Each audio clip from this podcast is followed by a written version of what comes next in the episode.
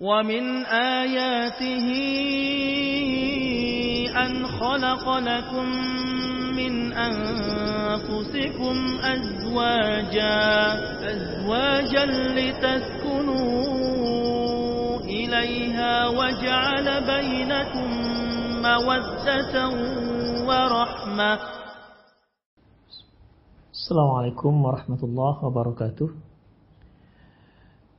إن الحمد لله نحمده ونستعينه ونستغفره ونعوذ بالله من شرور أنفسنا وسيئات أعمالنا. من يهده الله فهو المهتد ومن يضلل فلن تجد له وليا مرشدا.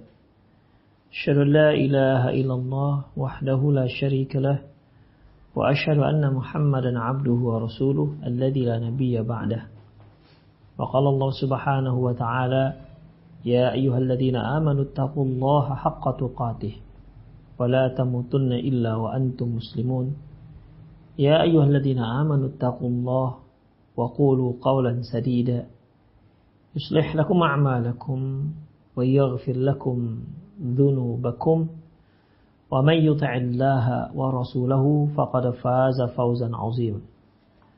يا أيها الناس اتقوا ربكم الذي خلقكم من نفس واحدة وخلق منها زوجها وبث منهما رجالا كثيرا ونساء واتقوا الله الذي تساءلون به والأرحام إن الله كان عليكم رقيبا. أما بعد إن أصدق الحديث كتاب الله وخير الهدي هدي محمد صلى الله عليه وسلم وشر الأمور محدثاتها وكل محدثة بدعة وكل بدعة ضلالة وكل ضلالة في النار. Kaum muslimin, kaum muslimat, para pemirsa Pasat TV serta para pendengar radio Medan Mengaji di mana pun anda berada segala puji bagi Allah Subhanahu Wa Taala yang telah memberi kita kelapangan waktu, kesempatan untuk melanjutkan kembali kajian-kajian kita. Selawat serta salam kita tujukan kepada Rasulullah Sallallahu Alaihi Wasallam kepada para sahabat, kepada karib kerabat dan kepada seluruh umat Islam yang berupaya untuk menjunjung tinggi mempraktekkan sunnah-sunnah beliau dalam kehidupannya. Ikhwah, azani Allah wa iyyakum. Sore hari ini kita akan bahas terkait dengan azal. Azal ikhwah yaitu ayyazila rajulu ma'ahu min zaujatih. Dia menyisihkan airnya dari istrinya. Itu azl dari uh, apa namanya? Uh, seharusnya ya dalam melakukan hubungan suami istri karena dalam perkawinan itu salah satu tujuannya untuk mendapatkan keturunan. Namun ada orang-orang yang dia ingin melakukan hubungan tapi dari hubungan tersebut tidak menginginkan akan terjadi at-talqih atau pembuahan. Maka salah satu yang dilakukan oleh orang dahulu yaitu dengan cara azal. Azal ini ikhwah ketika berlangsungnya hubungan suami istri dan si suami sudah mencapai klimaks lantas orgasmenya dia uh, dia buat di luar di luar rahim jadi airnya suami dia buang ya, dia buang di luar rahim. Bukan di dalam rahim sang istri. Ya tentunya ikhwah kalau seorang ingin melakukan hubungan dan mereka menginginkan adanya keturunan, tentu dia harus dia melakukannya, membuang airnya ya di rahim istrinya supaya uh, supaya sel spermatozoa bisa bergabung dengan uh, sel uh, sel wanita ya ovum. Oleh karena itu ikhwah ada yang tidak ingin terjadi uh, terjadi pembuahan. Maka dia tidak menyemprotkan airnya di rahim istrinya tapi di luar. Jadi ketika dia mau orgasme, dia cabut ya kemaluannya dan dia dia buang di luar airnya. Ini yang dikatakan azl. Azl yaitu ayyazila anha ma'ahu. Dia singkirkan airnya dari si wanita, artinya dari sang istri. Nah, permasalahannya apakah ini dibolehkan ataukah tidak? Apakah ini dibolehkan atau tidak? Ikhwah rahimani Allah wa iyyakum. Uh, sebagaimana yang pernah kita singgung bahwasanya tujuan pernikahan di antaranya yaitu agar mereka bisa bersenang-senang atau adanya penyaluran kebutuhan kebutuhan uh, biologis ya masing-masing baik suami maupun istri. Kemudian ya tujuan pernikahan berikutnya yaitu untuk mendapatkan keturunan ya untuk mendapatkan anak. Tapi sementara azal ini dilakukan di mana sang suami atau istri ingin bersenang-senang dengan pasangannya, namun tidak ingin adanya pembuahan sehingga menjadi seorang menjadi janin dalam rahim sang istri. Ini bagaimana? Ya bahasa kita sekarang uh, modelnya yaitu seperti KB-nya lah ya. Kan sekarang ini ada KB model dari uh, dengan uh, kontra, kontrasepsi dengan uh, spiral lah, dengan obat lah, dengan banyak banyak macam ya. Melakukan keluarga berencana ya, melakukan uh, apa namanya hal-hal yang bisa untuk menghambat terjadinya pembuahan. Baik. Pada zaman Rasulullah SAW ada cara untuk menghambat terjadinya pembuahan. Yaitu di antaranya yaitu dengan cara azal. Di antaranya dengan cara azal. Di mana sang suami membuang airnya di luar. Di luar rahim sang istri. Nah, yang kita bicarakan apakah dibolehkan atau tidak? Ya, apakah itu dibolehkan ataukah tidak? Kita lihat hadis-hadis Rasulullah Sallallahu Alaihi Wasallam.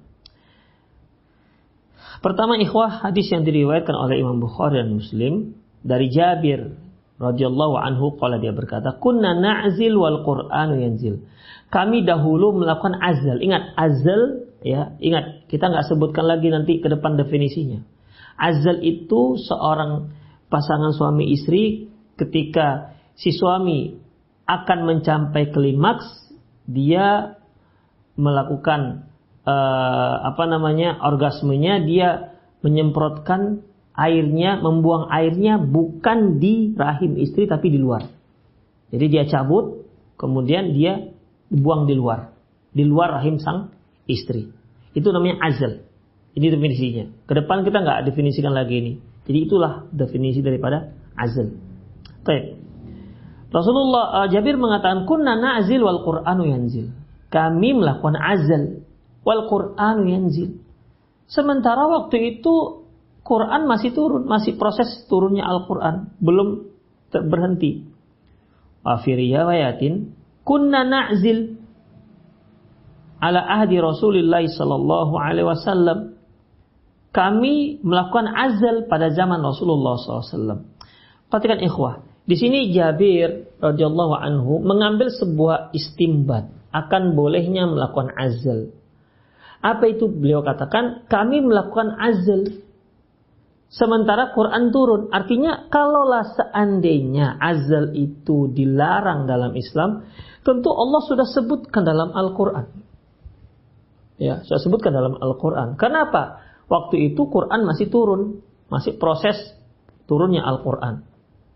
Itu ikhwah. Mungkin ada yang mengatakan, oh mungkin Rasulullah nggak tahu. Dalam riwayat yang lain, kunna na'zil ala ahli Rasulullah sallallahu alaihi wasallam. Kami melakukan azal pada masa Rasulullah sallallahu alaihi wasallam. Kemudian fabalagha dzalika nabiyullah. Berita ini sampai kepada Rasulullah sallallahu alaihi wasallam. Falam yanhana. Namun beliau tak melarang kami.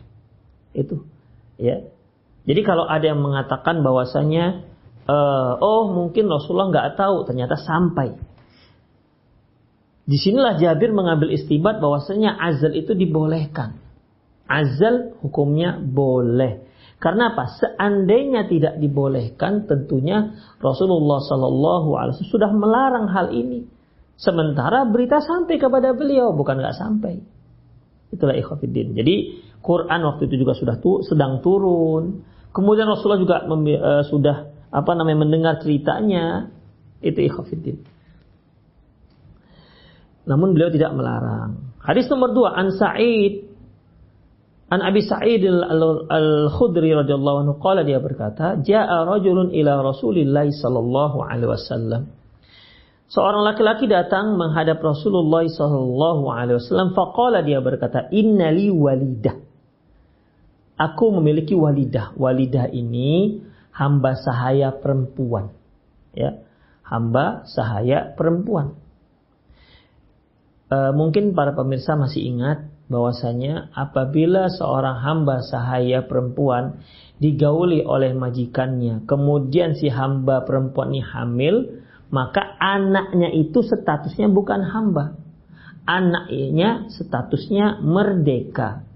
Merdeka mengikuti bapaknya tuannya.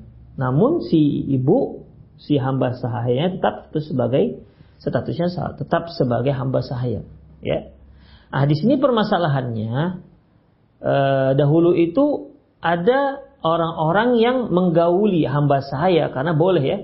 Dahulu itu ada yang namanya hamba sahaya, budak namanya. Ya, kalau seorang laki-laki memiliki hamba sahaya dengan cara dia beli atau apalah caranya dia mendapatkannya, kalau dia sudah menjadi pemiliknya, maka dia boleh menggauli hamba sahaya perempuannya sebagaimana dia menggauli istrinya yang sah. Dia tidak perlu akad dengan hamba sahaya tersebut.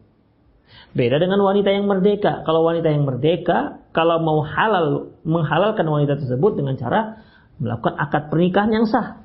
Tapi kalau dengan hamba saya cukup dibeli, kalau sudah sah jual belinya, maka dia sudah dibolehkan boleh untuk digauli. Itu ikhafidin. Ya. Jadi eh, laki-laki ini bertanya kepada Rasulullah Sallallahu Alaihi Wasallam, saya memiliki hamba sahaya perempuan. Kemudian wa ana a'zilu anha dan aku melakukan azal dengan hamba sahaya ini. Ya tentunya tujuannya agar si hamba sahaya ini tidak hamil. Ya mungkin dikarenakan sebab pertama karena mereka tidak suka ham, hamba sahaya ini menjadi hamil karena nanti anaknya ngikut kepada kepada si yang menghamili yaitu tuannya. Atau yang kedua kalau dia hamil tentunya kerjaannya bekerjanya tidak secekatan wanita yang tidak hamil. Beda hukum wanita yang hamil dengan yang tidak hamil. Makanya ada orang-orang yang memang sengaja menggauli uh, hamba sahayanya tapi tidak ingin hamil tidak ingin hamba sahayanya mengandung anak mereka. Dengan cara apa? Dengan cara melakukan azal. Ya, dengan cara melakukan azal. Kemudian wa ana uridu ma yuridu rajul. Sementara aku juga laki-laki biasa, punya hasrat terhadap wanita.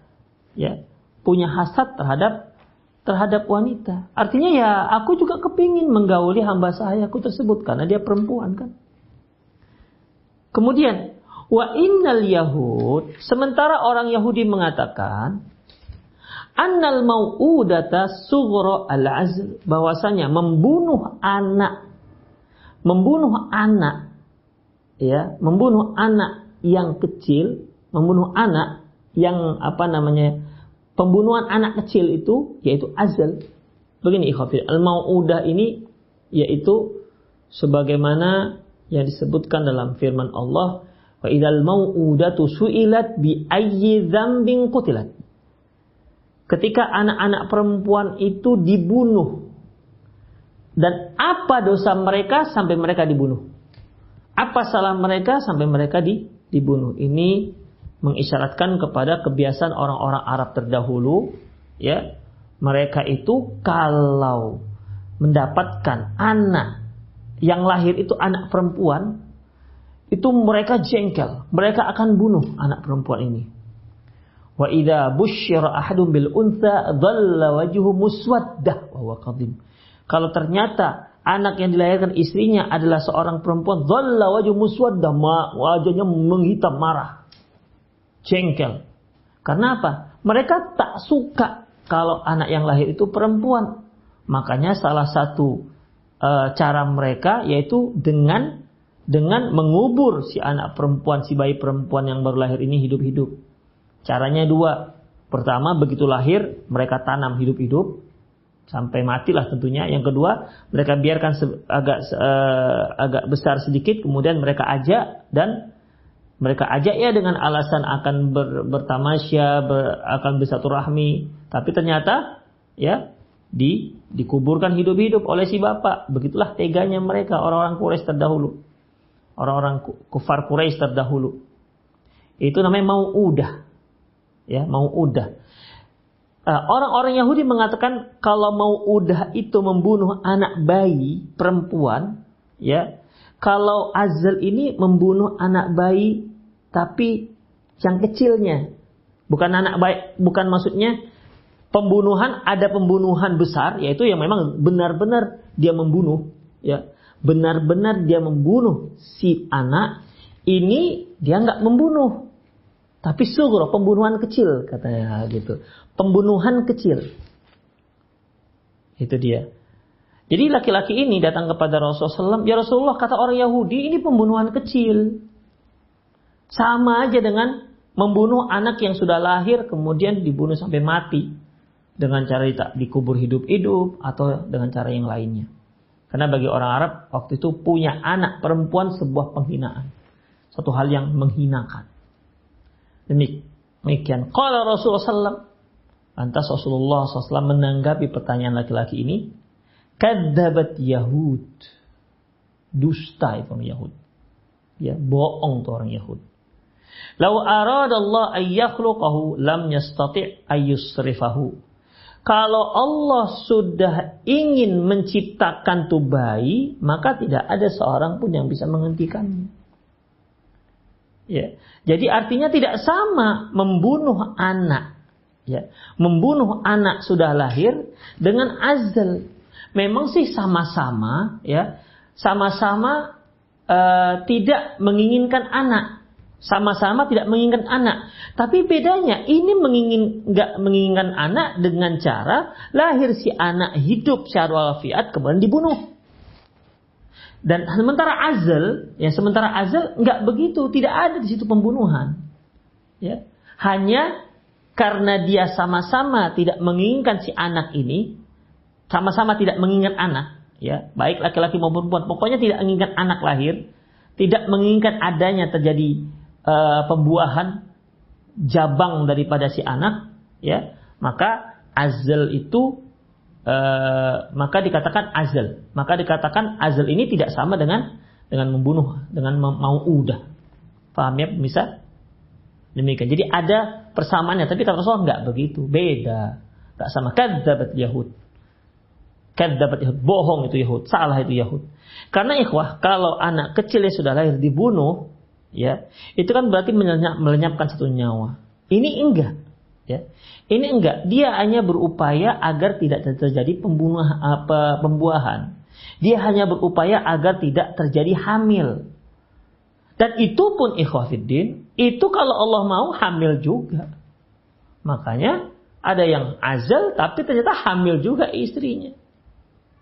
Ada wanita-wanita itu yang subur ikhwafiddin. Subur.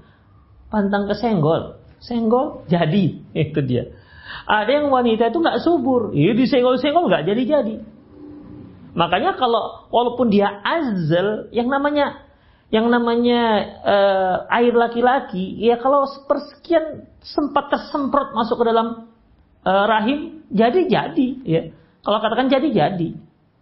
Demikian. Jadi itu hanya upaya upaya agar tidak terjadi pembuahan. Yang mau udah ini yang dilakukan oleh orang-orang kufar itu memang bunuh betul, memang habis lenyap nyawanya.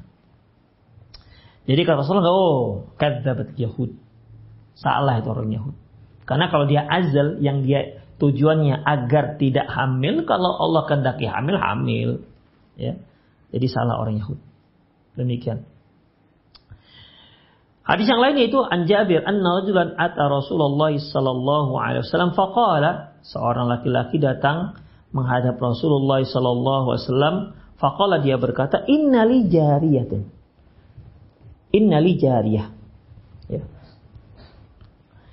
Innali jariyatan hiya khadimuna wasaniyatina wasaniyatuna aku punya seorang hamba perempuan ia khadimuna. Dia adalah khadim yang membantu kami untuk apa? Saniyatuna yaitu tugasnya yaitu membantu kami untuk mengairi ladang. Ya, kalau di sana ya ladang inilah ladang apa kurma ya. Jadi kurma itu juga perlu diairi. Nah, itulah uh, si hamba saya perempuan ini. Dia bertugas untuk mengairi ladang. Wa ana atufu 'alaiha. Aku mendatanginya. Ya, aku mendatanginya. Wa ana akrahu an tahmil. Tapi aku tidak suka kalau aku datangi lantas dia hamil. Artinya kalau aku lakukan hubungan dengan dia, hamba sahayaku ini, lantas aku nggak suka kalau dia hamil.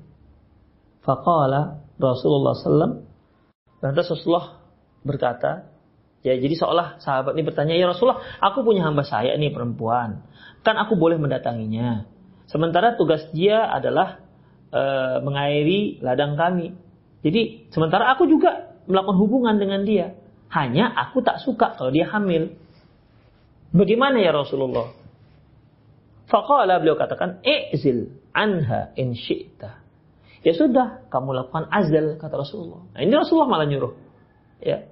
Kalau demikian ya kamu lakukan azal dengan dia fa innahu sayatiha ma.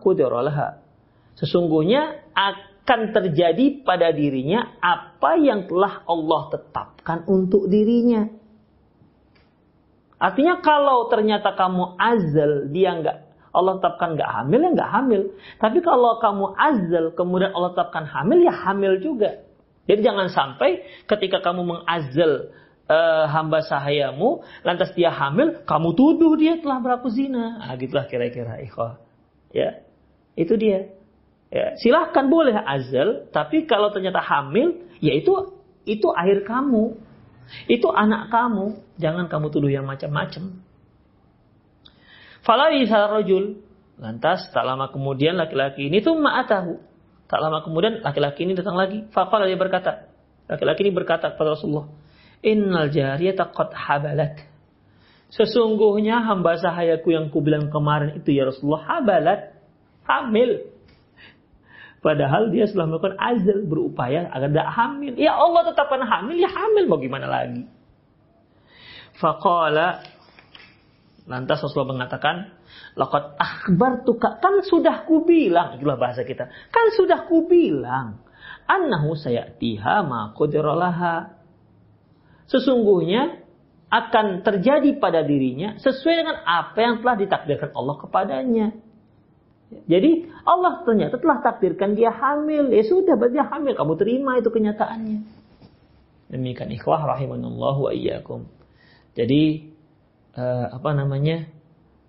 Bagi para suami yang melakukan azal misalnya terhadap istrinya, ternyata istrinya hamil, ah, jangan tuduh istri macam-macam. Ya. Jangan tuduh istri macam-macam. Jangan tuduh dia berzina. Enggak, itu anak Anda. Ya. Itu anak Anda. Jadi kalau kita kiaskan dengan alat-alat kontrasepsi. Kalau kita kiaskan dengan alat kontrasepsi yang tujuannya sama. Menghambat kehamilan apakah itu spiral, apakah itu minum pil, apakah itu melakukan azal, apakah uh, dengan apa namanya dengan yang lain-lainnya lah ya. Jika ternyata istri Anda hamil, itu sudah ketentuan Allah. Itulah. Kalau bahasa ibu-ibu jebol katanya. KB-nya jebol. Demikian. Ya, jadi jangan dituduh macam-macam tuh istri itu Allah tetap yang akan menentukan hamil dan tidak hamil. Apa pun usaha Anda sebagai seorang suami agar istri Anda tidak hamil, tetap yang terjadi adalah apa yang telah ditakdirkan oleh Allah Subhanahu wa taala. Ya selagi sang suami tetap mendatangi istrinya, ya kemungkinan hamil tetap ada, ya. Kemungkinan hamil tetap ada. Demikian ikhwah. Sedangkan orang yang mandul saja ah, bisa juga terjadi kehamilan. Ingat kisah yang telah kita ceritakan yaitu kisah Nabi Ibrahim ketika kedatangan tamu yang tidak dikenal Qala salamun qaumun munkarun. Salam atas kaum yang saya nggak kenal. Kemudian wabasyarnahu bi gulamin alim. Kami beri kabar gembira Nabi Ibrahim dengan anak yang anak yang alim, ya. Kemudian istri beliau yang sudah tua dengar cerita ini loh. Saya akan punya anak. Fa'aqabalat imra'atuhu fi sarratin fasaqqat wajah wa qalat ajuzun akib. Keluarlah istrinya sambil pukul-pukul wajahnya. Ah, masa saya tidak bisa ambil? Saya sudah tua. Begitu. Demikian. Jadi ikhwah, ya yang hamil saja kalau Allah mau bisa. Uh, yang tua saja, yang yang tua dan yang apa namanya, yang mandul, yang kata orang-orang nggak bisa hamil lagi bisa hamil kalau Allah Subhanahu Wa Taala mau. Kalau Allah Subhanahu Wa Taala kehendaki. Demikian ikhwah, azani Allahu wa iyyakum. Jangankan itu, jangankan itu. Yang tak punya suami aja kalau Allah katakan hamil, hamil seperti siapa? Maryam.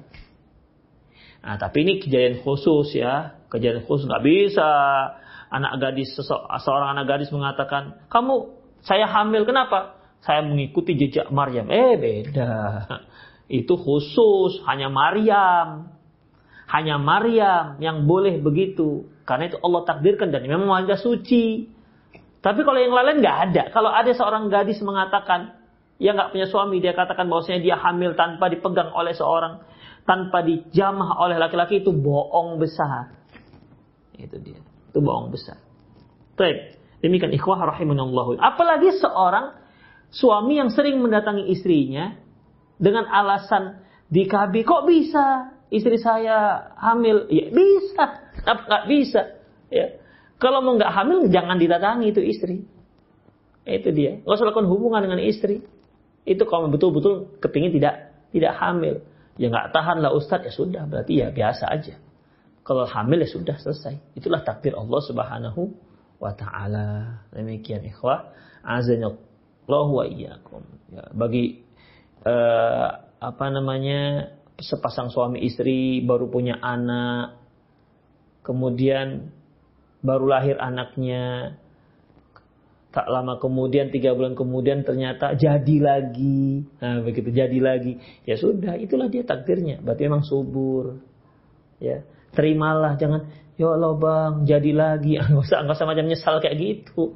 Ya karena memang hubungan intim itu bisa menyebabkan kehamilan. Itu dia ikhwah. Azan Allah wa iyyakum. Ya. Baik. Jadi itulah dia. Jadi kata Rasulullah SAW, kata beliau kepada sahabat ini, kau akhbar tuh kan sudah ku bilang, nahu saya tiha ma ma ma kudirolah ma kudirolah. Sesungguhnya akan terjadi apa yang telah ditakdirkan kepada si wanita tersebut. Ternyata takdirnya wanita tersebut, hamba saya tersebut hamil.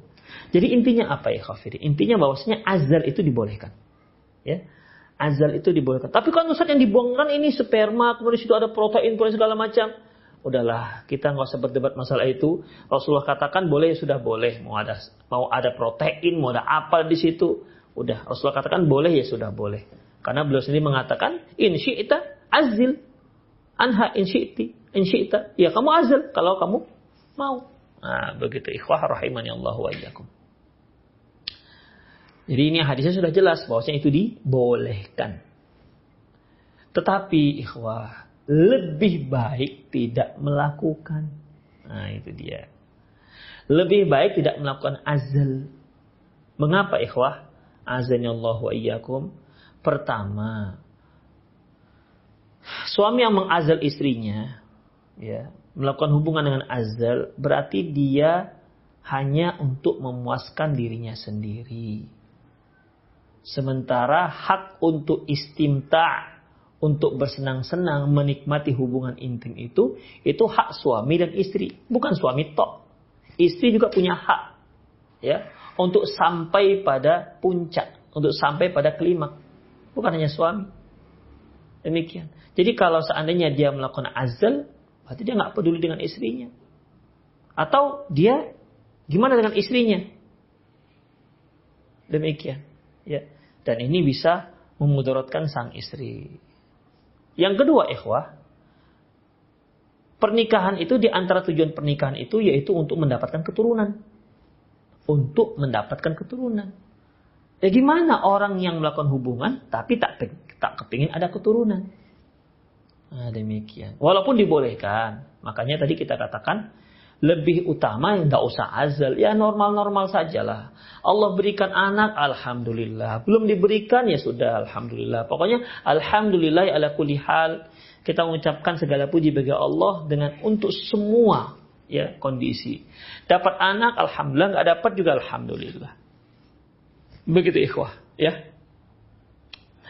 Baik. Apalagi Rasulullah pernah mengatakan Ya dalam sebuah hadis tazawwajul walud wadud.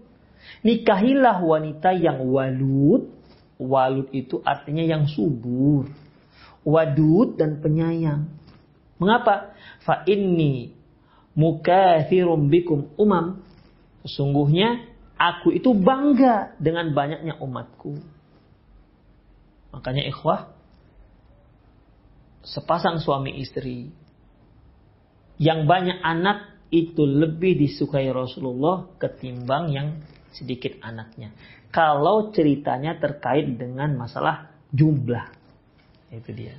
Ya, jumlah. Sama seperti suami yang istrinya lebih daripada satu, ya lebih baik ketimbang suami yang istrinya lebih hanya satu.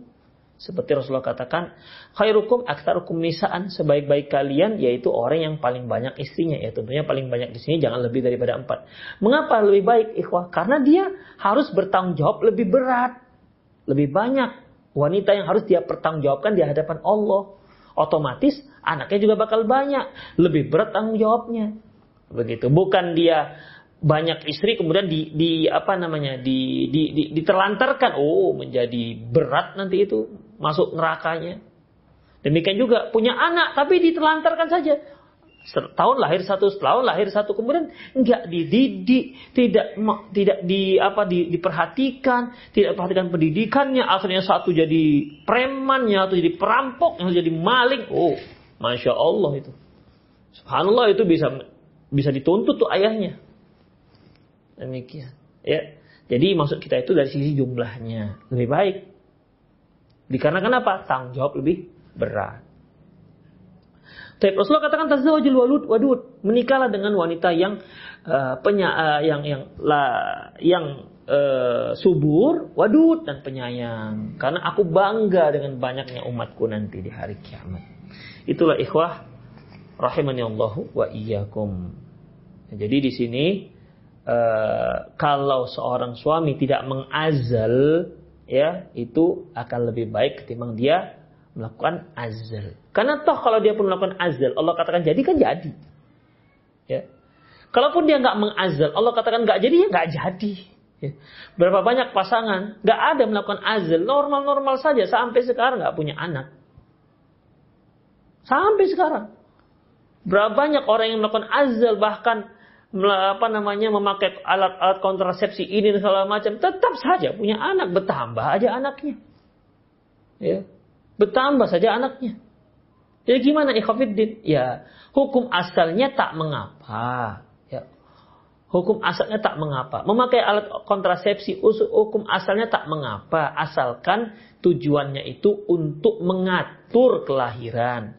Ya ada kan seorang ibu itu, ya masya Allah pokoknya dia dia subur, suaminya juga subur. Pokoknya kalau sudah ketemu jadi, ketemu jadi, ketemu jadi, masya Allah.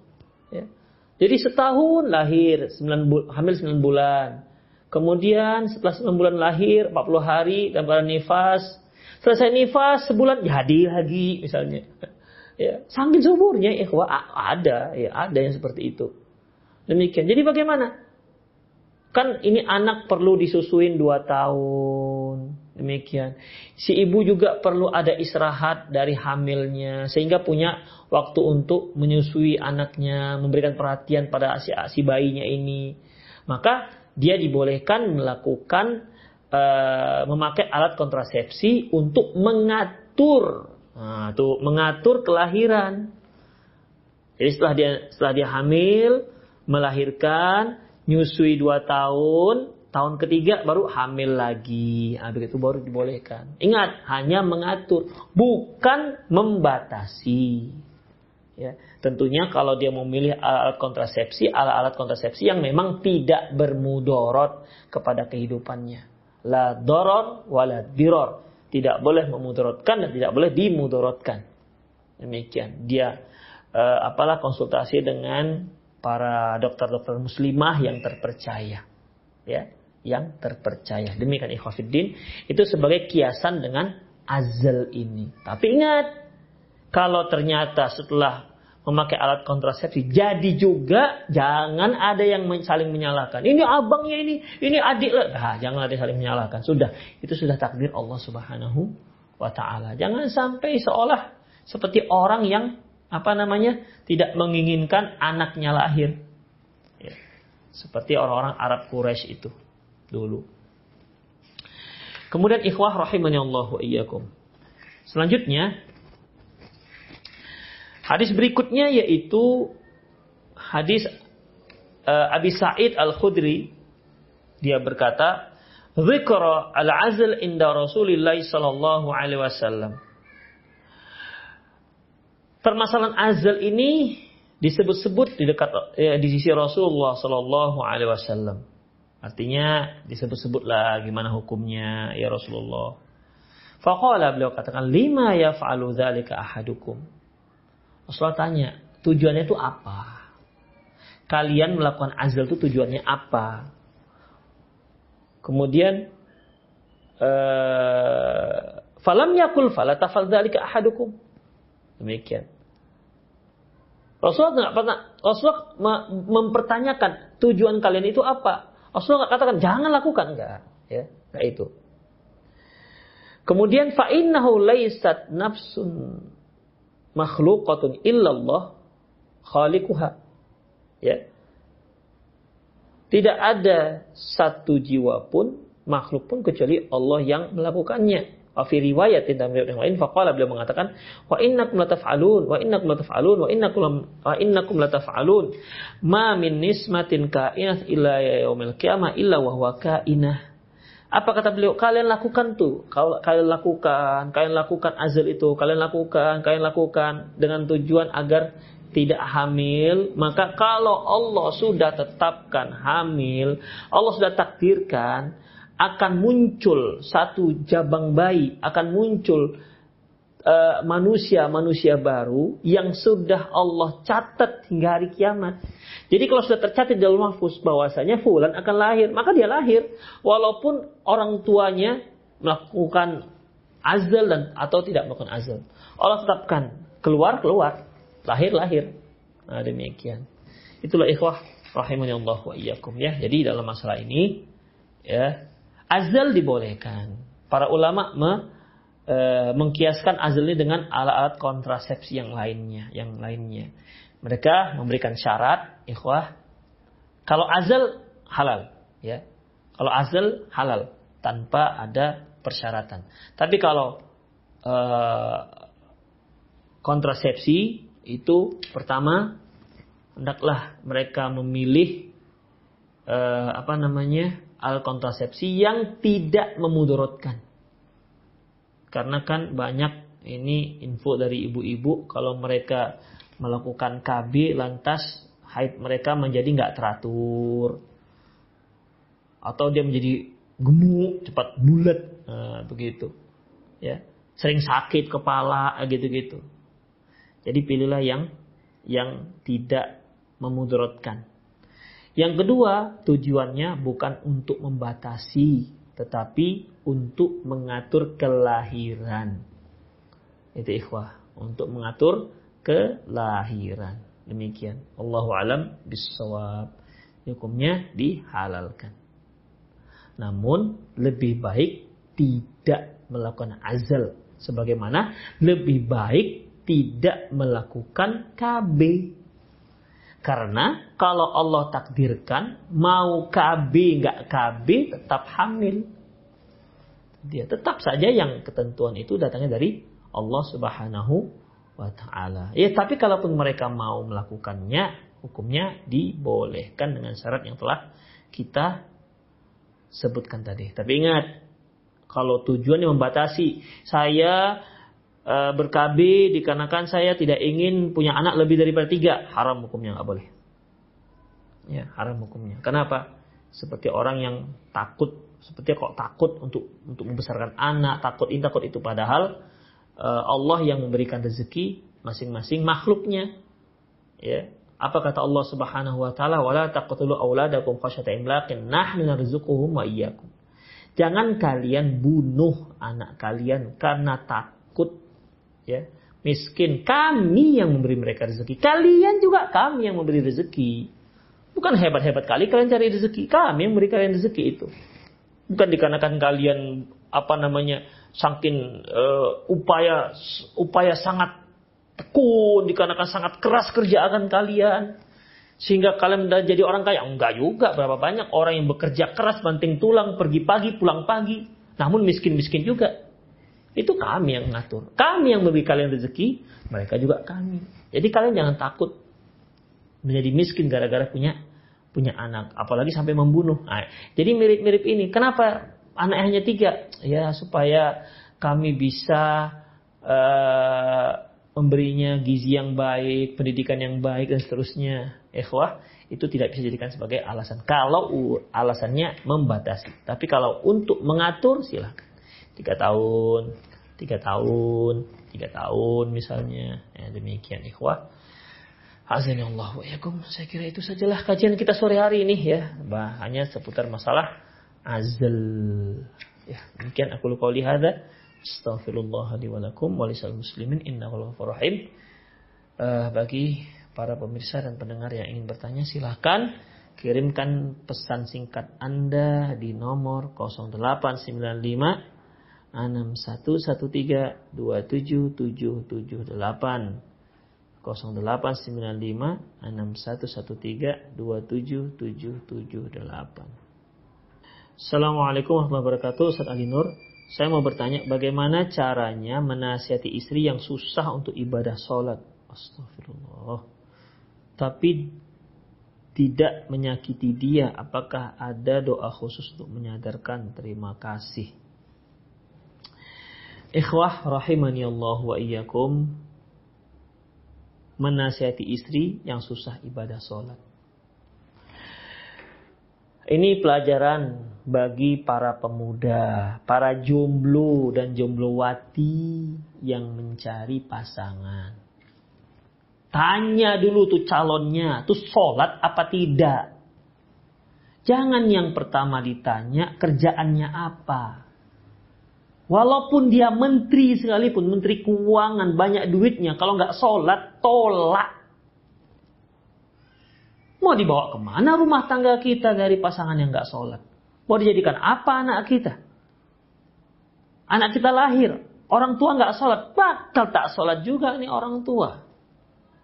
Makanya ikhwah, perhatikan calon-calon kita atau antum sebagai calon mertua.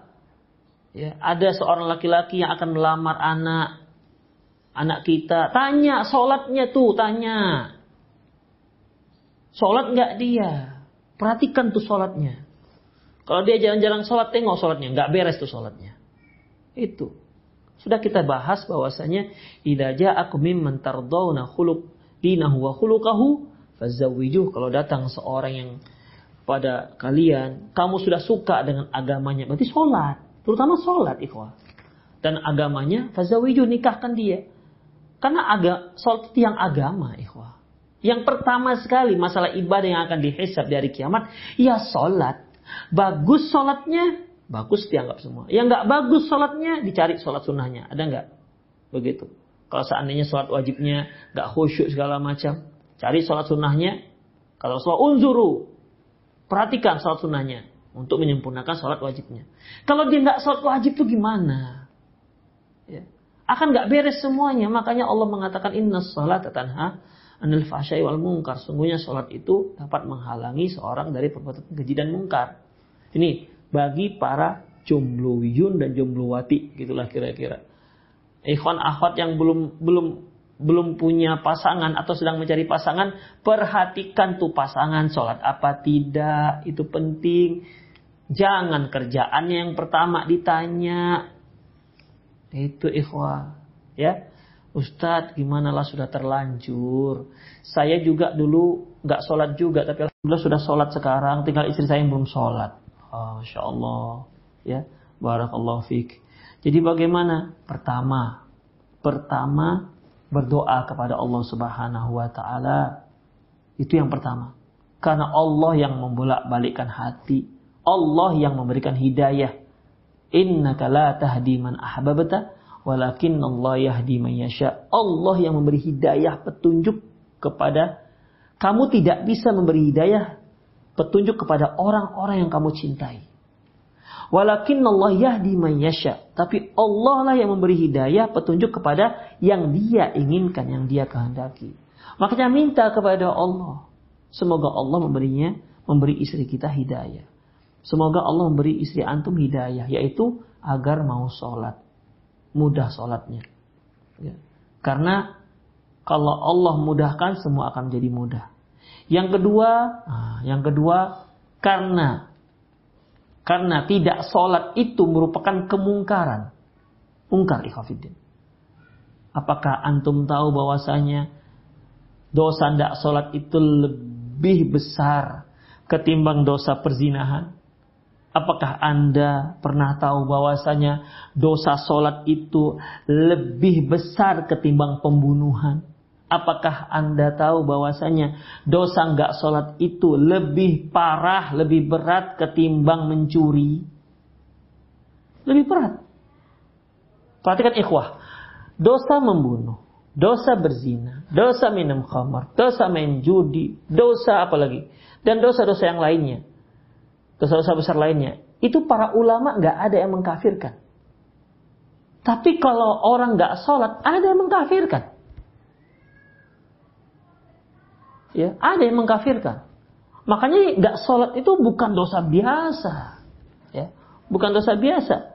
Nanti di hari kiamat ada orang yang masya Allah bagus dengan tetangganya, dengan orang tuanya, semua bagus suaminya, tapi nggak sholat. Yang satu dia membunuh, berzina segala macam. Ini dosa nggak sholat itu lebih besar ketimbang yang ini. Demikian ikhwah. Jadi dosa sholat itu gak sholat bukan bukan mudah. Jadi gimana? Maka uh, antum sebagai seorang suami gunakan power antum. Man ra'a minkum mungkaran falyughayyir biadih. Barang siapa yang melihat kemungkar dia rubah dengan kekuatannya, kuasanya. Sebagai suami itu punya kuasa terhadap istrinya. Tapi ada caranya. Apa kata Allah Subhanahu wa taala cara memperbaiki istri? Apabila kalian khawatir dengan dosa sang istri, fa'idhuhunna, nasihati dia. Itu dia, nasihati dengan lembut, Dik. Adik itu merupakan tanggung jawab abang. Nanti apalah kata apalah kata abang katakan di hadapan Allah kalau kamu nggak sholat. Ya, nasihati dengan lemah lembut. Kemudian Fa'idhuhunna wahjuruhunna fil madaji. Sudah dikasakan diberikan nasihat yang lemah lembut dak juga. Sudah diberikan uh, kajian-kajian uh, yang menyatakan betapa besarnya orang yang nggak sholat. Sudah dipampangkan ke dia banyaknya hadis-hadis yang menyatakan betapa besarnya dosa orang yang nggak sholat. Maka wahjuruhunna fil madaji. Wahjuruhunna fil madaji. Udah kamu boykot dia di ranjangmu. Artinya Jangan jangan lagi tidur bersama dengan dia. Gitu dia. Kalau nggak mempan juga, Mungkin ini istri sudah degilnya luar biasa lah, pokoknya bebal sudah. Suaminya nggak mau lagi tidur dengan dia, dia katakan, ah bang, bang, nggak tidur seranjang. Pisah provinsi pun nggak masalah aku katanya. Mungkin sang kita bebalnya. Nggak berubah dia. Suami tidak lagi tidur dengan dia. Tidak dicakapin oleh suami. Nggak masalah bagi dia. Fadribuhun, boleh dipukul ya sang istri boleh dipukul. Tapi Ibnu Abbas mengatakan dorban ghair mubrihin, pukulan yang nggak sampai menimbulkan bekas. Kalau sudah dipukul juga enggak, masya Allah, enggak juga berubah, tetap enggak sholat, ya. Maka cara terakhir, faba'athu hakama min ahli wa hakama min ahliha. Undang pihak keluarganya berhadapan dengan pihak keluarga si suami. Bicarakan ini gimana? saya punya istri, saya sudah capek, saya sudah lakukan tahapan-tahapan agar dia dia sholat, tapi dia nggak sholat. Ini gimana? Saya sudah nggak bisa lagi, misalnya. Gimana? Jadi, kalaupun di situ diputuskan berpisah, berpisah dengan jelas. Ya, apa alasannya?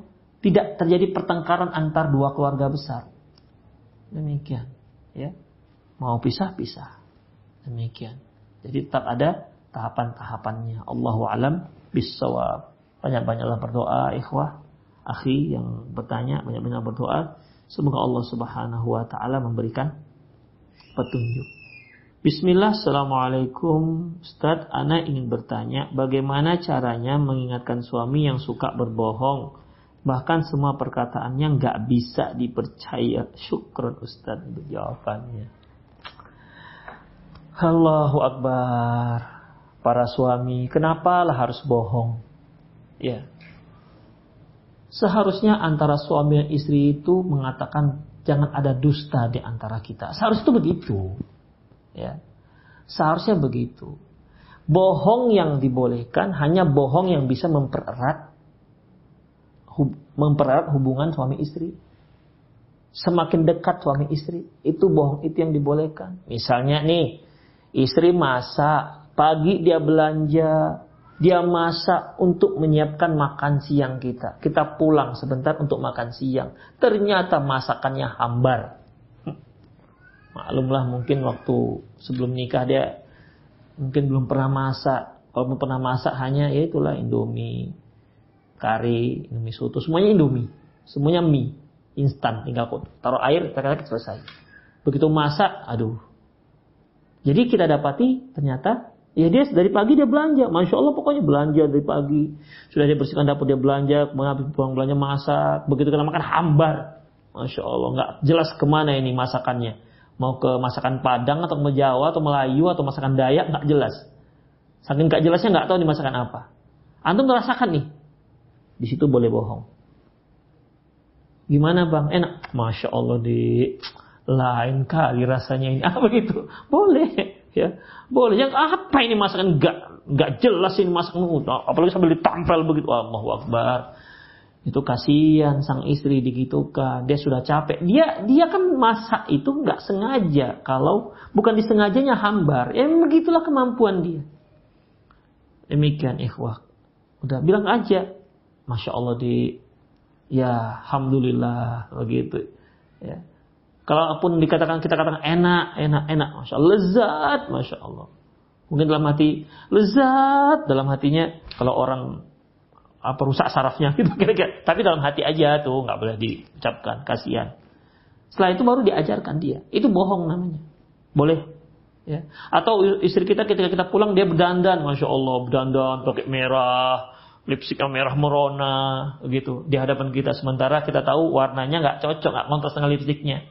Warnanya brown sementara lipstiknya merah begitu kan. Seperti seperti arang yang kebakar tuh jadinya. Kontras sekali nggak cocok. Jangan kata apa kamu ini macam lenong? Jangan ya. jangan jangan jujur kali di situ. Masya allah deh tapi kalau bisa di ini gini caranya. Ah begitu. Itu baru boleh. Tapi kalau bohong-bohong yang lain yang yang bisa merusak nggak dibolehkan ya makanya ikhwah rahimani Allah wa iyyakum Bagaimana caranya agar suami nggak bohong? Ya, dinasihatilah suaminya. Catat dalil-dalil hukum dosa besarnya berbohong. Demikian. Ya. Misalnya dia katanya lagi lembur, padahal dia lagi lembur di kantor, padahal kungku-kungku dengan kawannya di kafe misalnya, di resto mana, gelak-gelak tertawa.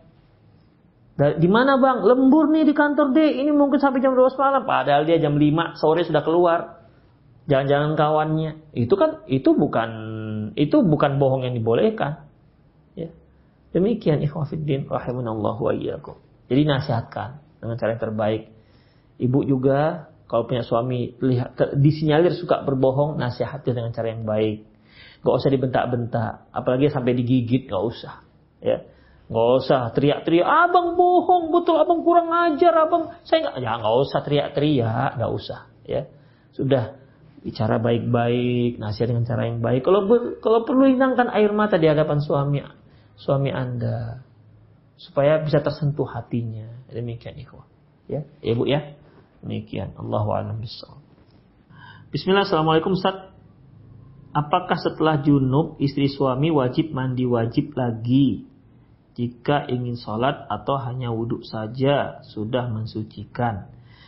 Ikhwah rahimani Allah wa iyyakum, apabila suami istri itu junub, maka dia wajib mandi. Ya, kalau dia junub, dia wajib mandi. Kenapa dia wajib mandi? Karena dia diwajibkan untuk sholat. Misalnya nih, ya, setelah dia melakukan mereka melakukan hubungan intim, kemudian mau subuh, mau sholat subuh, ya dia harus wajib, dia wajib mandi. Atau dia mau melaksanakan sholat tahajud. Seorang muslim nggak boleh sholat kecuali dalam keadaan suci. Suci dari hadas dan suci dari najis. Maka dia wajib mandi, maka dia wajib untuk mandi. Demikian. Tetapi kalau dia mau tidur lagi, atau dia mau mengulangi lagi babak kedua hubungan intimnya atau dia mau makan ya maka untuk dia mau tidur lagi atau untuk mengulangi maka sebaiknya dia wudhu atau mandi lebih baik atau minimal dia tayamum itu ikhwafidin minimal dia tayamum kalau dia setelah uh, hubungan intim dia ingin makan maka cucilah tangannya cucilah tangannya itu yang adalnya bukan beruduk ya cuci tangan Demikian. Tapi kalau dia mau sholat, ya dia wajib mandi. Contohnya nih, misalnya suami istri melakukan hubungan setelah sholat subuh. Setelah sholat subuh. Dari habis subuh ke zuhur kan panjang tuh waktunya. Ya. Dia belum belum mandi misalnya. Kapan wajibnya? Nanti ketika dia mau sholat zuhur baru dia wajib mandi. Itu itu paling lambat. Tapi kalau dia setelah melakukan hubungan kemudian dia langsung mandi ya bagus juga. Ingat sabda Rasulullah SAW salasun layak ribu layak rabuhumul layak rabuhumul layak rabuhumul malaika. Ada tiga orang yang nggak didekati oleh malaikat. Di antaranya apa? Al junub hatta yatawaddo. Junub sampai dia dia berudu. Ya, junub sampai dia berudu. Tiga itu jifatul kafir, al mutadammihu al-khaluq orang kafir, kemudian laki-laki yang banyak memakai wewangian perempuan, kemudian al-junub illa yatawadda junub sampai dia berwudu. Makanya kalau dia langsung mandi bagus, ya. Tapi yang kalau dia tunda, tunda mandinya sampai mau juhur juga dibolehkan. Tapi intinya bahwasanya wajibnya itu terkait dengan sholat yang akan dia lakukan. Kalau dia mau lakukan sholat duha, oh iya dia harus dia harus sholat. Dia harus mandi dahulu sebelum melakukan sholat duhanya. Apakah hilang amalan sedekah seseorang ketika dia mengatakan sedekahnya? Misalnya ibunya bertanya kepada anaknya mengenai tabungannya. Kenapa sedikit tabunganmu anak? Lalu si anak mengatakan karena saya berbagi. Dan si anak nyeplos mengatakan mungkin kalau saya enggak berbagi mungkin tabungan saya sudah banyak. Ibu mohon pencerahannya Ustadz. Uh, begini ikhwah rahimanallahu wa iyyakum.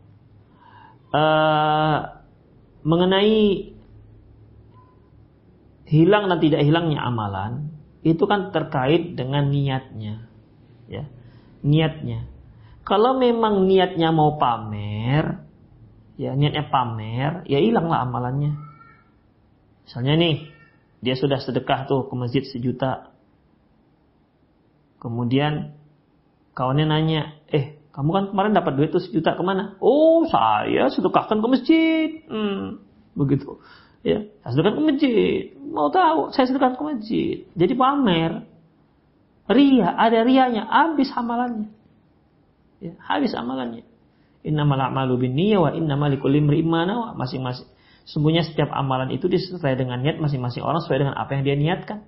Faman kana hijratuhu lidunya usibuha, faman kana hijratuhu ila Allah wa rasulih fa hijratuhu ila Allah wa rasulih. Kalau dia hijrah karena Allah Rasulnya, maka hijrahnya karena Allah Rasulnya. Artinya kalau dia berinfak, bersedekah karena Allah, ya sudah.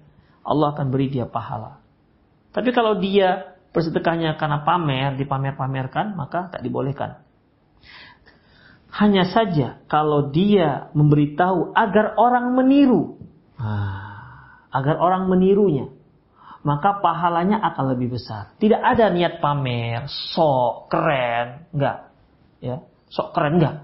Tidak ada niat seperti itu, tapi dia berharap agar orang lain me, me, menirunya. Misalnya, eh, kamu berapa di, uh, berinfak untuk masjid itu atau untuk anak yatim itu? Saya berinfaknya sejuta misalnya. Bukan untuk pamer. Harapannya agar yang bertanya ini juga bisa berinfak minimal jangan sampai di bawah sejuta gitu diikuti oleh temannya sejuta juga. Nah, maka dia mendapatkan pahala infak sejuta dan dia juga mendapat pahala apa? Pahala temannya yang mengikuti infak dia sejuta. Itu dia. Kalau tujuannya agar orang lain termotivasi dengan amalannya. Itu dia. Mansan nasunatan hasanatan falahu ajruhu falahu ajruhu wa ajru man.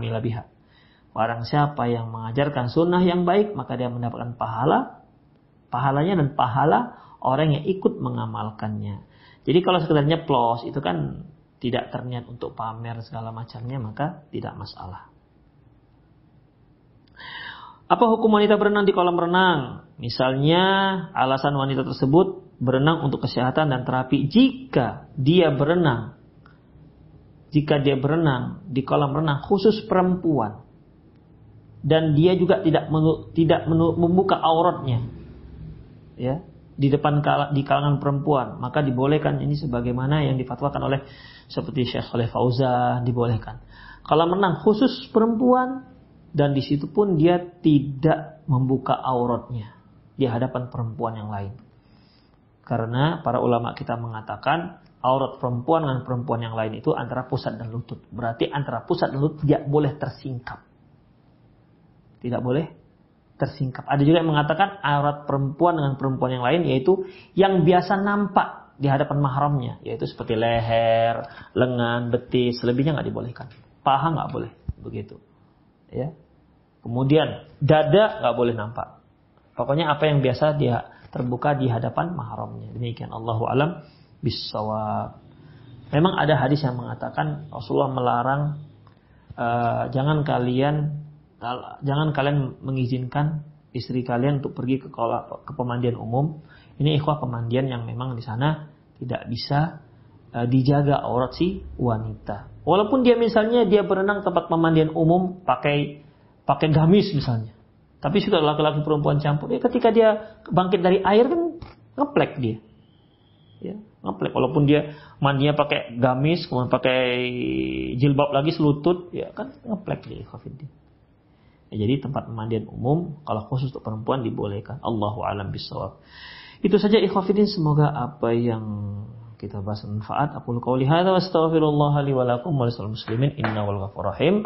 Subhanakallahumma wa bihamdika asyhadu an la ilaha illa anta astaghfiruka wa atubu ilaik. Ala nabiyyina Muhammad wa ala alihi wa ashabihi ajma'in. Wa. Assalamualaikum warahmatullahi wabarakatuh.